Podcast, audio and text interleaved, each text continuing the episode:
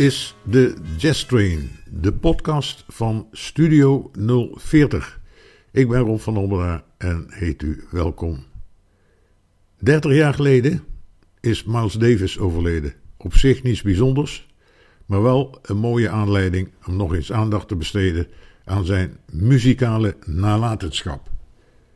Het begon eind jaren 40 toen Charlie Parker de toen pas 17-jarige Davis in zijn quintet opnam. En dat klonk zo: Dexterity.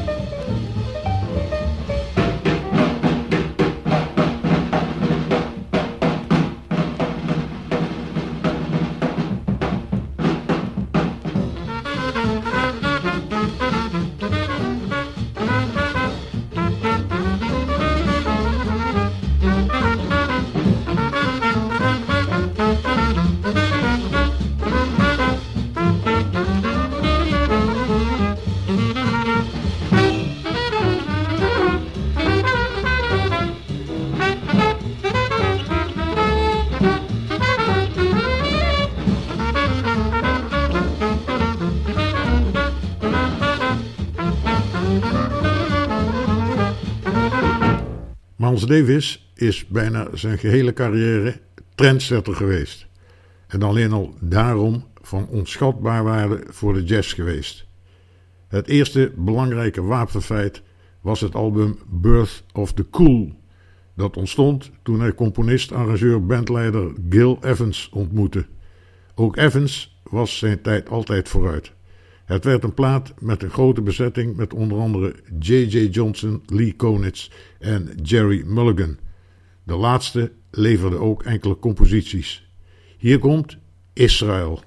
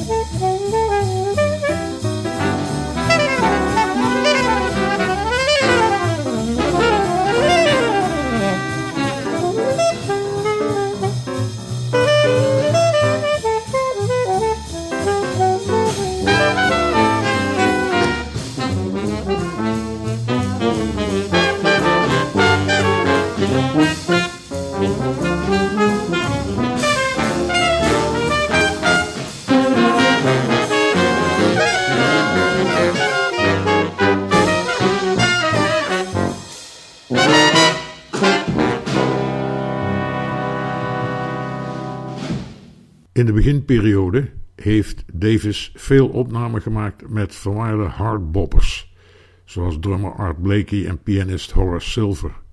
Ik draai daar twee nummers van. Eerst Four, gevolgd door Well You Needn't.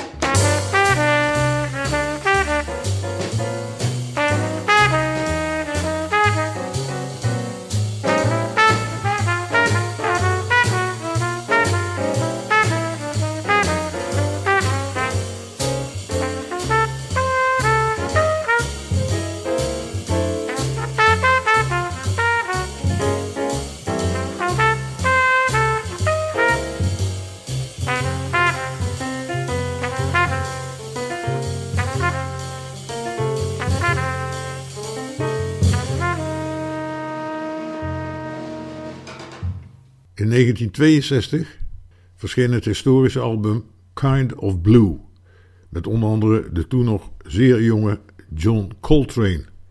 Wederom toonde Miles Davis dat hij een fijne neus had voor jong talent. Hier komt de klassieker So What.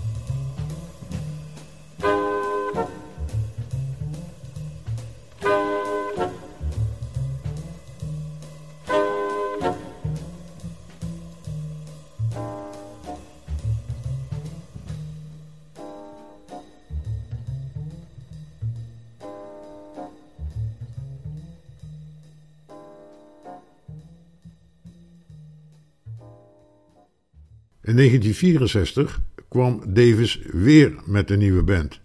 En ook nu weer met jonge, zeer getalenteerde muzikanten, zoals de piepjonge drummer Tony Williams, pianist Herbie Hancock en bassist Ron Carter. Hier komt My Funny Valentine.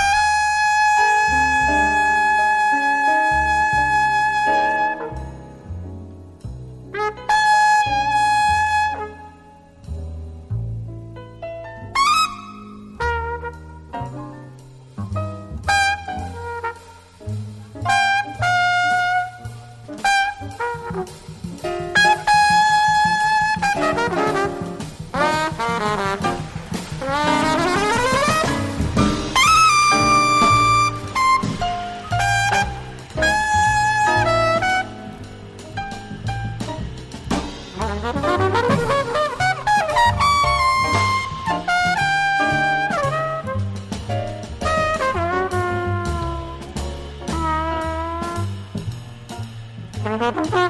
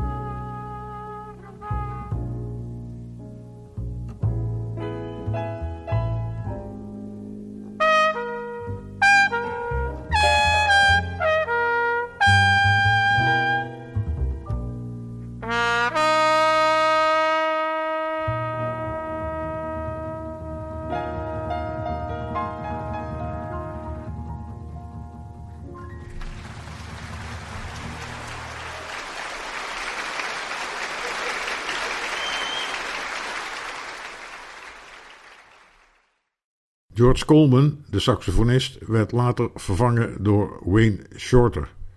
Maar van dit album draai ik nog een nummer en dat heet All Blues.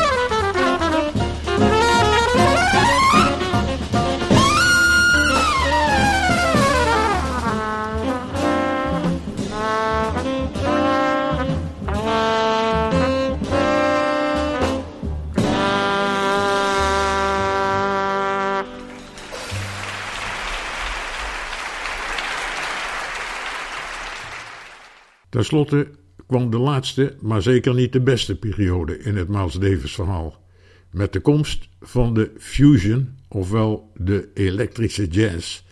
En ook hier liep Davis wel voorop. Twee opnamen. Eerst de klassieker Tutu, met in het begin wat vreemde geluiden. En het laatste draai ik dan nog Full Nelson. Ik dank u alvast voor het luisteren en zeg tot de volgende keer.